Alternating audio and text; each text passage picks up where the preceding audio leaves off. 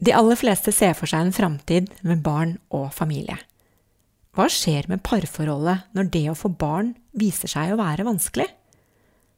Og hvordan oppleves forholdet til venner og familie som stadig minner deg på at du bør vel få barn snart? Og hva gjør en voksen kvinne når livet må defineres på nytt fordi ingenting ble slik hun hadde planlagt og håpet?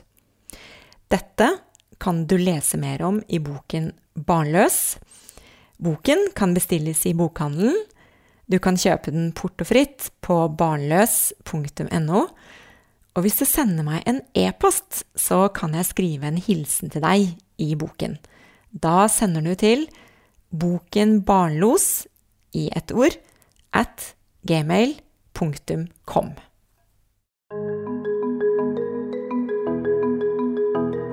Dette er en podkast om barnløshet. Jeg ønsker å finne svar på hvorfor temaet er så viktig for oss. Jeg vil grave frem fakta på området, og ikke minst dele de viktige historiene bak. Jeg er Cecilie Hoksmark, og mitt mål er større åpenhet. Da ønsker jeg velkommen til Kamsi Gunaratnam. Var det, Tusen takk. Det var helt perfekt uttale, regner jeg med? Ja. jeg antar det. Du er eh, Arbeiderpartipolitiker, og så er du varaordfører i Oslo. Og mm, grunnen til at jeg spurte om du ville være med i en episode av denne podkasten, det var rett og slett fordi det var en som nappet meg i armen og sa 'henne burde du intervjue'. Sånn var det. Og så sendte jeg deg en eh, e-post, og i den så sto det masse om prosjektet mitt og sånn og sånn. Og så svarte du etter skal jeg si, 1 time og 30 minutter så stas og ble hørt. Og da, Kamzy, må du fortelle meg hva legger du i det? Jeg eh, merker jo at mye av det som skrives i dag, mye av podkast, mye av det som sprer seg i sosiale medier, det handler om det handler om hvem som blir hørt, hvem som har sagt noe som man syns at man skal ta med seg videre. Eh, og man videreformidler det kun når det er greit, kun når det er noe du vil skal leve videre. Og da var det kult at det var noen som dytta deg på meg. Og da følte jeg meg hørt. At, at da har jeg sagt noe som noen, noen eh, hadde plukka opp, da. Eh, mine menn. Ja, og i denne sammenhengen, denne podkasten heter jo da Barnløs på godt og vondt. Så jeg har tenkt veldig mye på hva mener Kamzy om dette? Og blandet det inn med noen kulturelle faktorer som jeg ikke aner om du har engang. Så um, det er jo litt spennende å høre hva som hva din historie er, om hva din oppvekst og hva slags tanker du hadde om framtiden. Mm. Jeg tror nok eh, at jeg som mange andre vokste opp med og tenkte at man skulle ha den klassiske, tradisjonelle familien. Fordi det er det samfunnet forventer av deg. Sant? Du gifter deg, at du finner deg en av motsatt kjønn, og at du får deg to-tre barn. ikke sant? Og så vokser du opp, og så lærer du om damene som ikke går den veien. Eh, at de lever lykkelige liv. Enten fordi man adopterer alene, eh, eller er fostermor, eller avlastningshjem, eh, eller at man som homofilt par ikke får adoptere, eller surrogati-spørsmålet. Um, og så parallelt med dette, når jeg liksom lærer at folk lever ulike liv, er det da jeg begynner å lukte litt på politikken etter hvert. Så du ser liksom det personlige i sammenheng med det politiske. Eh, så det er jo um, Det har jo vært en personlig reise som også har resultert i noen politiske holdninger. Så min sånn grunntanke, mine holdninger til eh, familiekonstellasjoner, da, hvis vi skal si det på den måten, er liksom at po politikken må tilrettelegge for at du kan leve akkurat det livet du har lyst til å leve. Det, det er liksom min tilnærming. Eh, og, og, det som er med dette spørsmålet, er at eh, vi kan lage alle alternativene for at du kan leve et godt liv eh, som aleneforeldre eller eh, alene uten barn, eller ikke sant, mange ulike konstellasjoner. Men det vi fortsatt sliter med i dagens samfunn, er jo å frivillig, eh, eller det vil si at du eh, selvbestemt mener at barn er ikke noe jeg eh, opptar meg Altså det, det, at ikke det er så viktig, da. Eh, og det å være en kvinne og si det i dag altså Jeg tror liksom kanskje det er lettere i Oslo fordi sant, gjennomsnittsalderen på kvinner som får barn i Oslo, da man er jo 34, ikke sant. Eller noe sånt. Og, eh, og mange, det er mange rollemodeller som har liksom levd hele sitt liv alene og vært karrierekvinner og fått til masse, og de viser at de kan leve fulle, hele liv eh, uten at det mangler noe fordi du ikke får barn.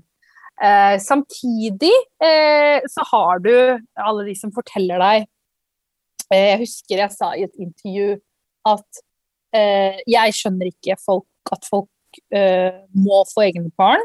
Jeg tror liksom For meg så henger dette med å adoptere kanskje litt sånn høyere, fordi da er det ikke bare noe du gjør personlig, da gjør du noe for samfunnet også, ikke sant.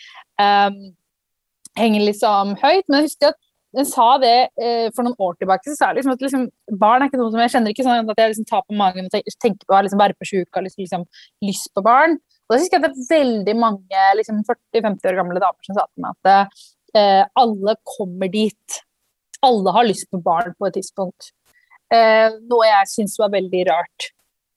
I dag har jeg en kjæreste som jeg eh, har lyst på et barn med. Kanskje. Eh, på grunn av eh, han.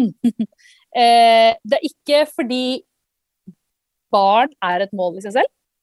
Ikke fordi at eh, det er liksom, jeg må, jeg må, rekke å ha et barn innen da og da. Det er ikke fordi Altså det, det er et sånn selvvalgt greie eh, med mange kritiske spørsmål, liksom. fordi er vi, er vi sikre på at vi gjør dette fordi du og jeg vil, du og jeg som par? Eh, at ikke det er noen utenom eh, juridiske, da, eh, utenom eh, oss eh, ting som påvirker. Eh, og jeg merker at, liksom, at, det er noe som opptar meg, fordi det er veldig viktig for meg at dette er et valg man tar sjøl. ja. Skal stoppe der. Ja, men du, jeg har også tenkt veldig mye på det du sa, at det bør være et viktig valg for deg selv, og ikke et valg som er forbundet med forventninger fra andre, eller at man skal passe inn, eller en eller annen sånn ting. Men hvordan klarer man å skille det, da? Det er jo kjempevanskelig, ikke sant. Dette er jo Kvinnekroppen er jo gjenstand for så mye kontroll i samfunnet. Vi har jo en abortdebatt som foregår nå. Eh, vi har debatt rundt prevensjon verden over. Eh, sosial kontroll basert på hvordan du kler deg, hvor mye, hvor mye kløft, hvor mye lår, hvor mye Altså, kvinnekroppen, den er så under kontroll at jeg får ikke sagt det nok. Av samfunnet, av enkeltindivider, av system, av kulturer. Eh, det er på en måte liksom Jeg føler liksom de som fortsatt er en del av det patriarkalske tenkemåten utnytter det til å kontrollere kvinnen. ikke sant? Så det er ikke noe annerledes dette her enn ting som type hvor mange er det du ligger med. ikke sant? At man kommenterer på hvem kvinner ligger med, eh, kliner med, eh, dater, eh, hvordan klær de går med. Eh, det er samme, det, er, det, er liksom, det, det, følger en rekke av ting vi gjør fordi vi syns det å kontrollere kvinnekroppen er en del av det å fortsatt ha uh, manns, uh, uh, mannsdominans. Så jeg skjønner spørsmålet ditt. Det er kjempevanskelig. Jeg, eh, jeg kan jo ta det som eh, sammenligne meg også med eh, forskjell på tvangsekteskap og arrangert ekteskap. hvor liksom tvangsekteskap, det er, det er tvang. Det er ulovlig. Det er ikke greit. Du kan ikke tvinge noen til å gå inn i et forhold. ikke sant? Mens eh, arrangert ekteskap, det sier man er lov, fordi da er det noen som går og sier frivillig OK, mamma og pappa, jeg vil at dere skal fikse noe for meg, liksom. Men så har jeg problematisert det med arrangert ekteskap enda mer. Er at det er ikke tvang, men det er også fravær av alle andre løsninger. Ikke sant? Eh, at det blir liksom den eneste måten å komme seg gjennom på. At er, du, du, bare må gjøre det, liksom. Eh, også den forutsetninga at du må gifte deg. Altså, hva med de som ikke vil gifte seg? ikke sant? Du må gå gjennom det. Du må gjennom en viss type bryllup og ikke sant. Eh, så jeg, jeg, skjønner det spørsmålet, og jeg har ikke helt, helt svaret eh, Jeg har ikke helt svaret eh, eh på det. Men det som, det som er eh, en sånn morsom tanke, da, er at i disse abortdiskusjondager, som diskuteres veldig mye nå, så er det en diskusjon rundt Det er kun snakk om dette med nemnd. ikke sant? Skal vi diskutere med Nei, få vurdering av nemnd eller ikke? ikke sant? Eh, og da er det veldig mange som har posta veldig mange eh, eh, eh morsomme eh, historier. Altså, dette er da unge mødre som har posta at det, Men jeg fikk føde to barn og dra hjem uten nemnd. ikke sant? Jeg måtte ikke gjennom noe kurs for å føde barn. Jeg måtte ikke snakke med noen. Jeg måtte ikke gjennom en, uh, psykiatrisk, uh, et psykiatrisk system for å si at liksom, jeg er god nok til å føde. Jeg, jeg, kan bare bli gravid og føde i dag. Ikke i dag, men uh, noen måneder. Og, og, og, og, det er ingen som kan stille spørsmålstegn med det. Så det er jo et, et, sånn, et sånn spørsmål man kan stille seg sjøl. Det er at hvorfor finnes det ikke rådgivning den andre veien? Hvorfor finnes det ikke finnes det ikke. ikke sant? I dag når du blir gravid, så tror jeg du har en del system via f.eks. i Oslo så har du via bydelen og kommunen og helsestasjonen. ikke sant? Og så har du sånne opplegg med nye familier, folk som kommer hjem til deg og snakker med deg og sånn. Men hvem er det som snakker med deg før du planlegger å bli gravid? Det er jo noe du gjør fullt og helt alene. Burde, burde, altså, nå stiller jeg et åpent spørsmål, ikke at vi skal ha mer regulering og mer uh, politikerinvolvering, men burde vi hatt uh, noen som snakker med deg? Og liksom sjekker at dette her er noe du vil. Eh, det er jo det hvis du f.eks. vil bytte kjønn. Hvis du, eh, hvis du, ønsker å eh, gå fra å være kvinne til mann eller mann til kvinne, gutt til jente eller jente til gutt, så må det gjennom omfattende psykiatriske eh, altså system, regime, ikke sant, for alt annet. Men det å skape et barn og sette de i live Jeg har jo fulgt med oppvokst i Groruddalen jeg har snakket med jenter opp gjennom åra. Jeg har reist landet rundt eh, gjennom AUF. Jeg har møtt jenter i ulike alder, eh, fasonger, farger, geografiske områder. ikke sant? Og det er jo mange tusen ulike hensikter til å få barn. Noen får barn for å redde forholdet sitt. Uh, og så kan jeg sitte her og si at det er veldig dumt. Hvis du kun vil redde forholdet ditt. Fordi barnet skal være ønsket, ikke sant. Eh, og, og, så kan noen av oss eh, si at eh, du burde planlegge for å få barn. Eh, du må jo vite at du har økonomi og liksom stabilitet til å, eh, å ta vare på barnet.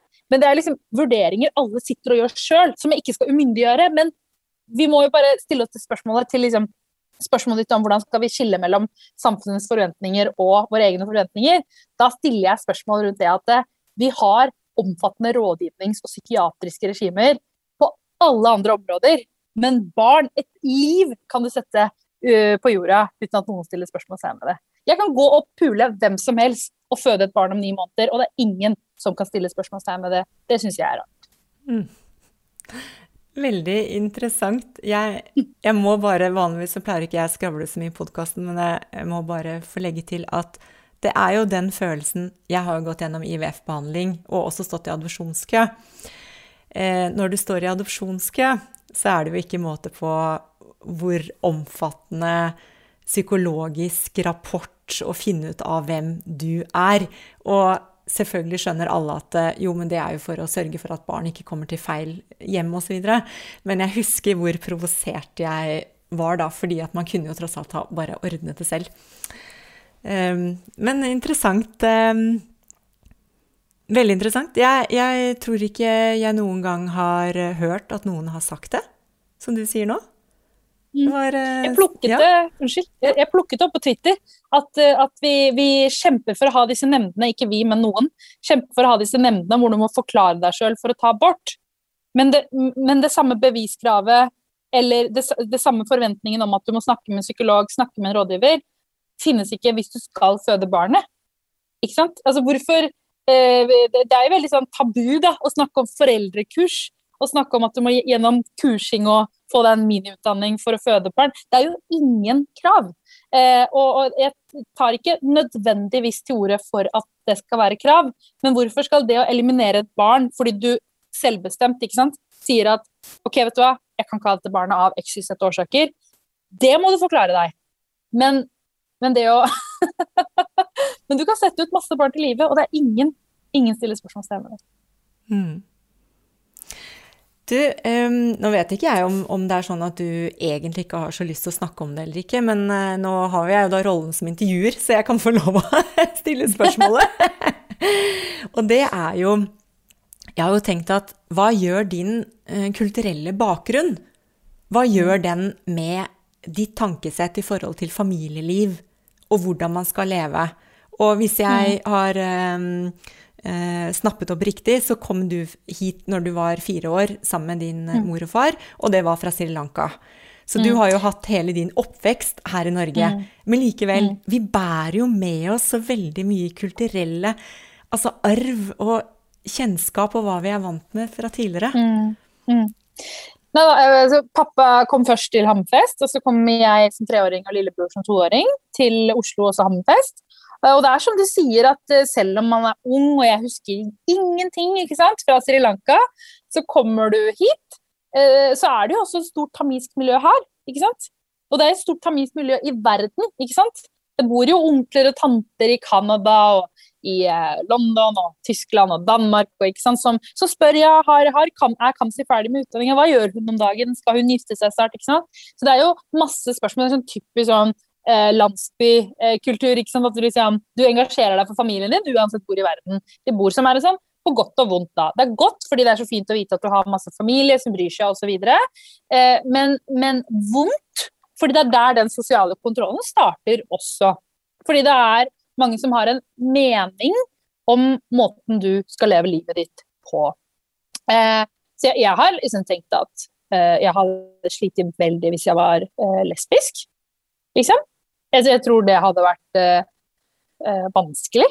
Så, så, så det, det, det, må man bare være ærlig på. At uh, i, det, i det tamiske miljøet så vet jeg ikke hvordan det hadde vært. Jeg tror at det er veldig mange som syns det er rart at jeg ikke har giftet meg. Jeg var på en tur til Sri Lanka og holdt likestillingskurs i januar 2019. og så husker jeg at det var en mann Jeg holdt en tale et sted og så var det en mann som skulle holde en avslutningstale som en sånn 'takk for at dere kom', osv. Så, videre. så sa han noe som provoserte meg innmari. Og da sa han La oss alle be til Gud om at neste gang Kamzy kommer hit, så er hun gift og er velsignet. Eh, jeg ble skikkelig sur at jeg liksom bare Og det var på slutten, så jeg bare gikk ut av salen, og så bare venta jeg bakgården til liksom tea time. Eh, og det er, det er, litt sånn da at, at man Eh, man setter likhetstegn mellom være gift er lik du har det bra, få masse barn er lik du, du gjør det bra. Ingen spør liksom eh, du, Det at du blir varaordfører som 27-åring eller kommer på Stortinget som 33-åring, det er sekundært. ikke sant? Men har du produsert barn? har du giftet deg? Det er en sånn eh, eh, mentalitet som jeg tror kommer fra følgende, er at foreldrene eh, våre i generasjoner, særlig på jentesiden, så har det handlet om at til dattera di gifter, gifter, seg, så har ikke du som foreldre gjort, gjort, jobben din. Så det er liksom det gamle Norge også, ikke sant. At til du har sørget for og liksom betalt for det bryllupet og gitt eh, medgift, eller hva det heter, eh, så har liksom ikke du gjort jobben din som forelder. Så tror jeg liksom foreldrene mine også jeg, jeg pleier å si at jeg vokste opp i Norge, men de vok ble voksne i Norge. De også har forandra seg veldig, veldig mye. Eh, og de også har jo sett at eh, unge tamilske jenter som giftet seg altfor tidlig, fordi det var forventa. Du tar mastergrad, og så gifter du deg, så føder du barn, liksom. Det er jo ikke uh, Det er ikke sunt at du gifter deg og finner type fordi du må gjøre det innen en viss tid. Uh, så jeg tror liksom skilsmisseraten i det tamis, norsk-tamilske miljøet har økt veldig. Og det tror jeg har fått foreldrene mine til å åpne øynene for liksom dette med at ting må skje i folks egen tempo, dersom man i det hele tatt ønsker, eh, ønsker at man skal uh, finne noen. Da. Nå er jo de veldig happy, fordi jeg fant en kjæreste som jeg ønsker å leve lenge med. Og det er helt tilfeldig. Det var ikke noe jeg søkte. Det var ikke noe jeg eh, tenkte at nå må jeg finne noen som jeg kan produsere barn med. Det var bare noen som bare Shit, vi, vi klaffa skikkelig, liksom. Du er min beste venn. Og da begynner eh, foreldrene mine nå å være litt sånn Når tenker dere bryllup? Når tenker dere barn? Og da er svaret bare det er ikke deres problem, og det er kun mitt og hans sitt, eh, sitt valg. Vi gjør det vi føler for. Eh, ingen forventninger skal styre oss, dere kan ikke uh, styre oss. og da er det viktig å huske på det, det som er greia med sosial kontroll. er at Dette holder nordmenn på med også, så det er ikke bare sånn innvandrergreie. Men det er pakket inn i omsorg. ikke sant? Men vi bryr oss om deg, vi vil det beste for deg. Det er sånn, ja, da, må du la meg leve mitt liv. Um, så ja, kulturen er i aller høyeste grad påvirket. Jeg merker når jeg møter tamilske onkler og tanter, dvs. Si liksom bekjente, da, man kaller jo alle for auntie og uncle, liksom. Uh, det første spørsmålet de stiller, er jo når skal du gifte deg? Jeg, jeg møter dem i settinger hvor jeg er i media, jeg skriver bok, jeg, jeg snakker om politikk. Eh, og deres første spørsmål er når skal du gifte deg? Eh, det kan være at folk bare er tom for samtaleemner. Det kan være at folk bare klarer ikke å være kreative. Det er lov.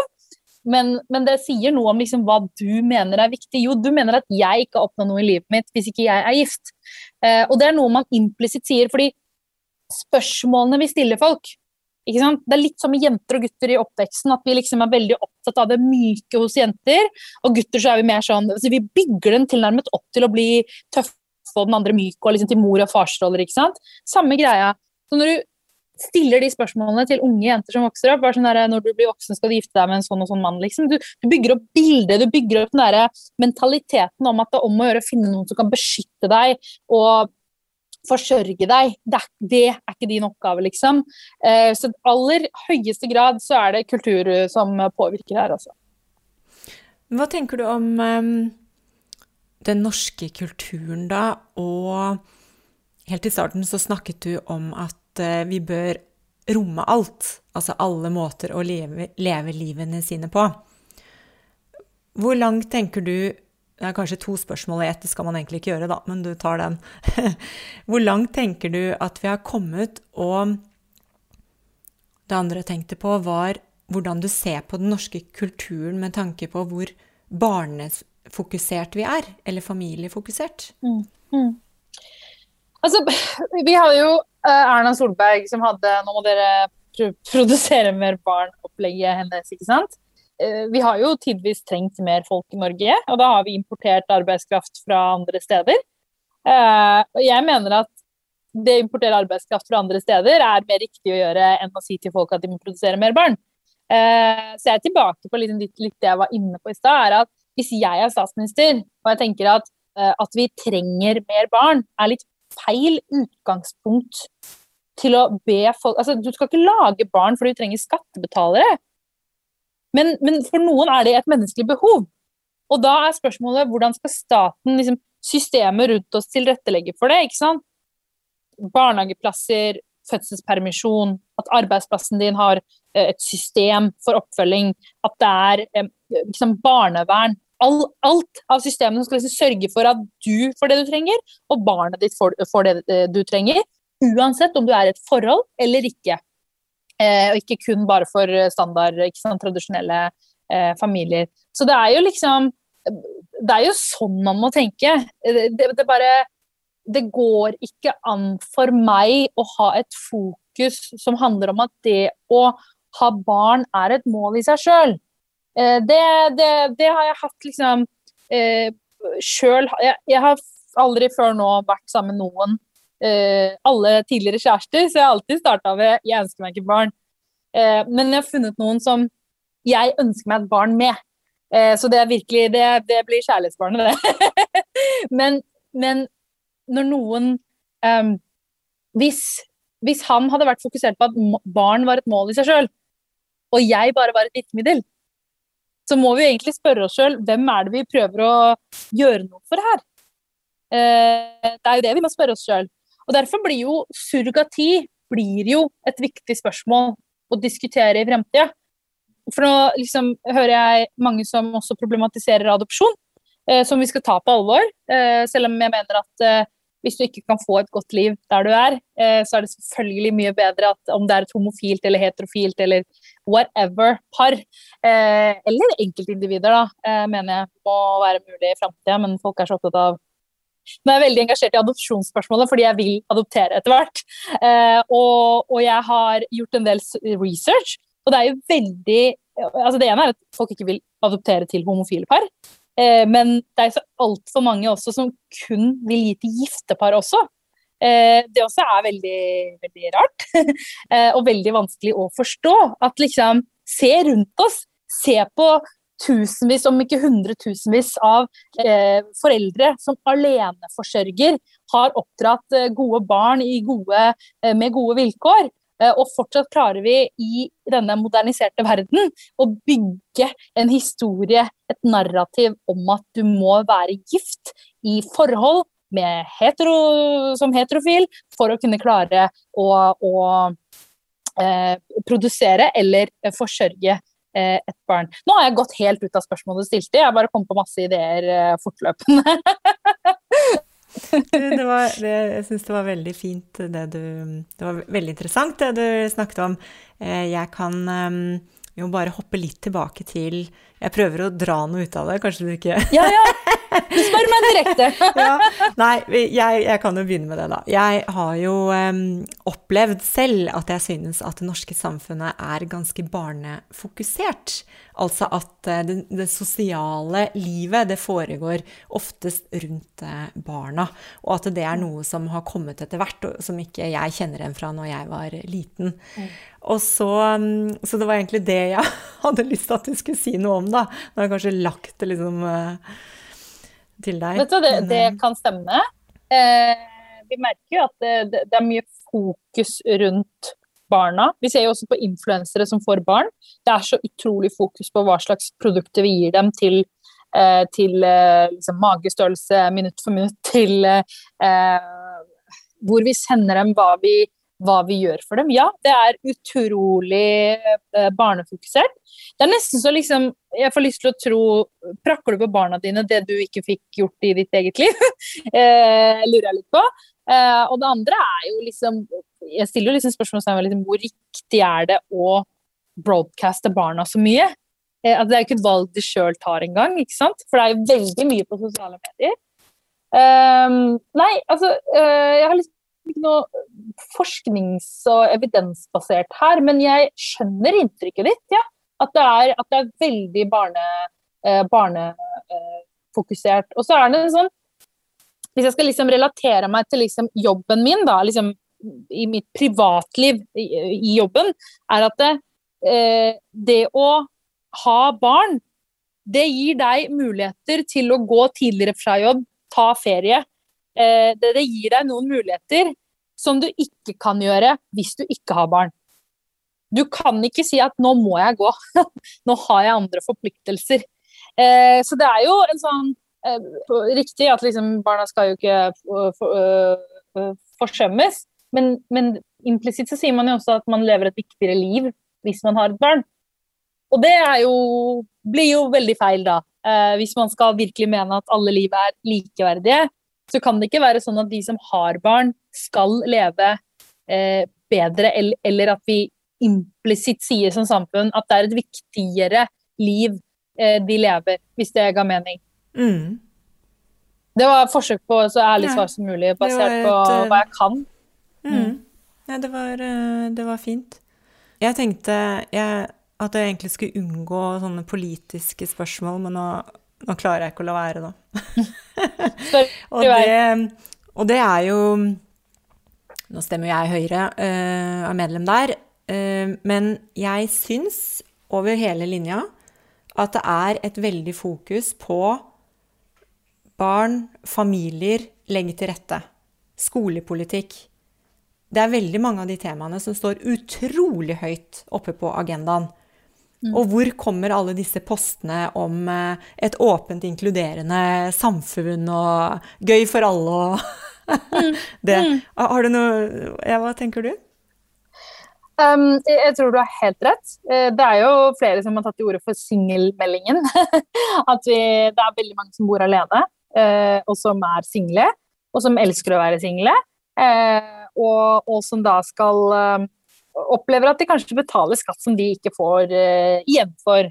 Så hvordan liksom tilrettelegger man for det? Selvfølgelig vi, vil jeg at vi skal ha uh, barn er jo ikke bare barn av deres foreldre, de er jo også framtida til Norge og alt det der. Så vi skal jo selvfølgelig ikke sant? Jeg mener jo liksom på et, uh, på et Uavhengig av det mener jeg liksom det er viktig å tenke at vi skal investere i mennesker og, og nå, altså 22. juli-løftet vårt da, handler om å skape et samfunn hvor ingen barn faller fra, og det krever en hel landsby. Det er riktig, det er viktig. Men det bør ikke utelukke at det er veldig mange mennesker som lever alene. Og det har jo koronapandemien vært et utrolig godt eksempel på. Jeg kunne, altså jeg var ikke sammen med kjæresten min da, men da eh, jeg, bodde alene i sentrum, og så visste jeg at Raymond skulle shut down the city. Eh, og da eh, pakket jeg sammen, ringte mamma og pappa som har treetasjers eh, eh, rekkehus på Grorud, og sa hei, er det greit at jeg kommer hjem for en liten stund? Liksom. Og de bare ja, ja, kom hjem. Så jeg hadde muligheten til å gjøre det. Privilegert på den måten, ikke sant. At du, du har noen å være sammen med. Eh, så har du de som bor alene, som kanskje ikke har mange søsken, som har kanskje foreldre som bor på andre siden av landet, eh, og er single. Hva, hva, gjør man, liksom? Eh, når, når, det er så mange Selvfølgelig, liksom, vi vil ikke spre pandemien, men det er jo dem det også Jeg mener er to grupper det er ramma best. Eh, hvis du ser liksom, selvfølgelig de som ble smitta og folk i førstelinja, det er given. Men hvis du ser på liksom, den sosiale nedstengingen, har rammet to grupper verst, og det er ungdoms, ungdommene. Ikke sant? At de liksom En uke er jo en måned for dem. En måned er et år. altså er, De har mista veldig mye tid. Den andre gruppen, det er jo folk som bor alene. Eh, og som er alene. Eh, som om vi ikke har nok ensomhet fra før av, liksom. Så kan du banne på at den ensomheten har blitt forsterka med pandemien. Eh, og det, eh, det er Jeg har en god venninne som heter Anna Sabina Soggio. Og hun har jo hatt sine sine utbrudd om dette eh, i media, eh, og skrevet veldig gode tekster på nettopp det. Hun er 40 år, bor alene i sentrum, og liksom hva med oss, Bent Høie? Hvordan skal vi eh, leve livene våre, liksom? Vi som, vi som eh, er promiskuøse og liker å feste hver helg og, og lever et eh, uavhengig, independent, godt liv, men som pga. koronaen er helt borte. Hva gjør vi? Ikke sant? Um, så det um, Ja, jeg, jeg, er enig med deg i at, at fokuset ligger mye, mye der. Og at, og at, det fokuset trenger ikke å være truet av at vi også snakker om andre grupper som er blitt uh, forsømt i samfunnsdebatten. Da. Mm. Mm. Da gleder jeg meg til singelmeldingen. ja. du, um, hvis du nå Nå vet vi ikke hva fremtiden din uh, bringer. Men hvis du nå ser for deg at du lever som du gjør nå, og at du Ja, om det ikke da kom noe barn, eller ting endrer seg, hva er det som for deg gir livet mening? Uh, for meg er det å gjøre en forskjell. Uh, det gir mening. Det er en veldig sånn klisjésetning, men jeg kan liksom prøve å bryte det litt ned. Eh, ta for eksempel mitt private forhold, da. Eh, jeg er jo sammen med en fyr som gjør meg glad, og kommer til å føle meg trygg. Men jeg er også sammen med en fyr som jeg føler at jeg gjør lykkelig. Altså, at jeg, jeg, gjør en forskjell. Eh, men også liksom der jeg er. Hvorfor ville jeg bort fra Oslo-politikken og oppover til Stortinget? Jo, fordi jeg vil gjøre en forskjell. Jeg vil vokse og gjøre en forskjell. Um, og eh, noe av det beste jeg vet om i den politiske hverdagen når det ikke er korona, da, er å reise rundt på ungdomsskoler og snakke med jenter. Det er noe av det beste jeg vet om. Eh, fordi likestilling, det, det vi sitter og vedtar handlingsplan, og vi vedtar liksom program og politisk program og det ene private forslaget og representantforslaget osv. Men sette seg ned med jenter og bare På hvilken måte opplever dere ulikestilling? ikke sant? Hva er det som skjer i deres hverdag? Hvordan kan dere møte det? Hva gjør dere når dere blir møtt med hersketeknikker? Så liksom jeg tror jeg liksom trengt liksom håndfast følelse av endring. Jeg gjør en forskjell. Det ligger så, eh, det ligger så inn i blodet mitt at uh, hvis jeg ikke gjør en forskjell, hvis jeg, bare, hvis jeg bare skal sitte og se på, da kan jeg like gjerne, like gjerne reise meg og gå det er min tilnærming. Det kan provosere folk. fordi liksom, Hvis jeg sitter og kjeder meg, hvis jeg føler jeg ikke gir noe, så har ikke jeg noe å gjøre her. Betyr ikke at jeg føler meg bedre enn de som sitter der. Det betyr bare at vi alle trenger å føle det, at vi gjør en forskjell. Og vi alle fortjener å føle at vi, uh, at vi gjør en forskjell. Og sikkert i forlengelse av det også at jeg føler litt på den der adopsjonsgreiene også. At, uh, at, det er Alle barn er våre barn, ikke sant. Uh, og, og det er så mange barn der ute som kanskje trenger et bedre hjem. Eh, og det henger tett sammen med ikke ulike stater som ikke har ordentlig prevensjonsordning, du kan ikke ta abort. Det er tabu å ta abort, og det er tabu å være gravid. Så liksom du bare Herregud, det er jo det er vanskelig å være kvinne, ass. Eh, så vet jeg jo at et eh, barn kan alltid få et bedre liv hos en eller to foreldre i Norge. Eller, eller fire foreldre. Eh, bonusbarn, ikke sant. Eh, vi må gjøre en forskjell. Jeg føler for å gjøre en forskjell, og jeg tror det å eh, gi et barn et bedre liv enn det i utgangspunktet skulle få, eh, er eh, også et forsøk i hverdagen da, å, å, gjøre en forskjell. Mm. Mm. Så fint. Takk, Kamzy, for en fin samtale med deg. Var, her kom det mye nyttig, og ja, tusen takk.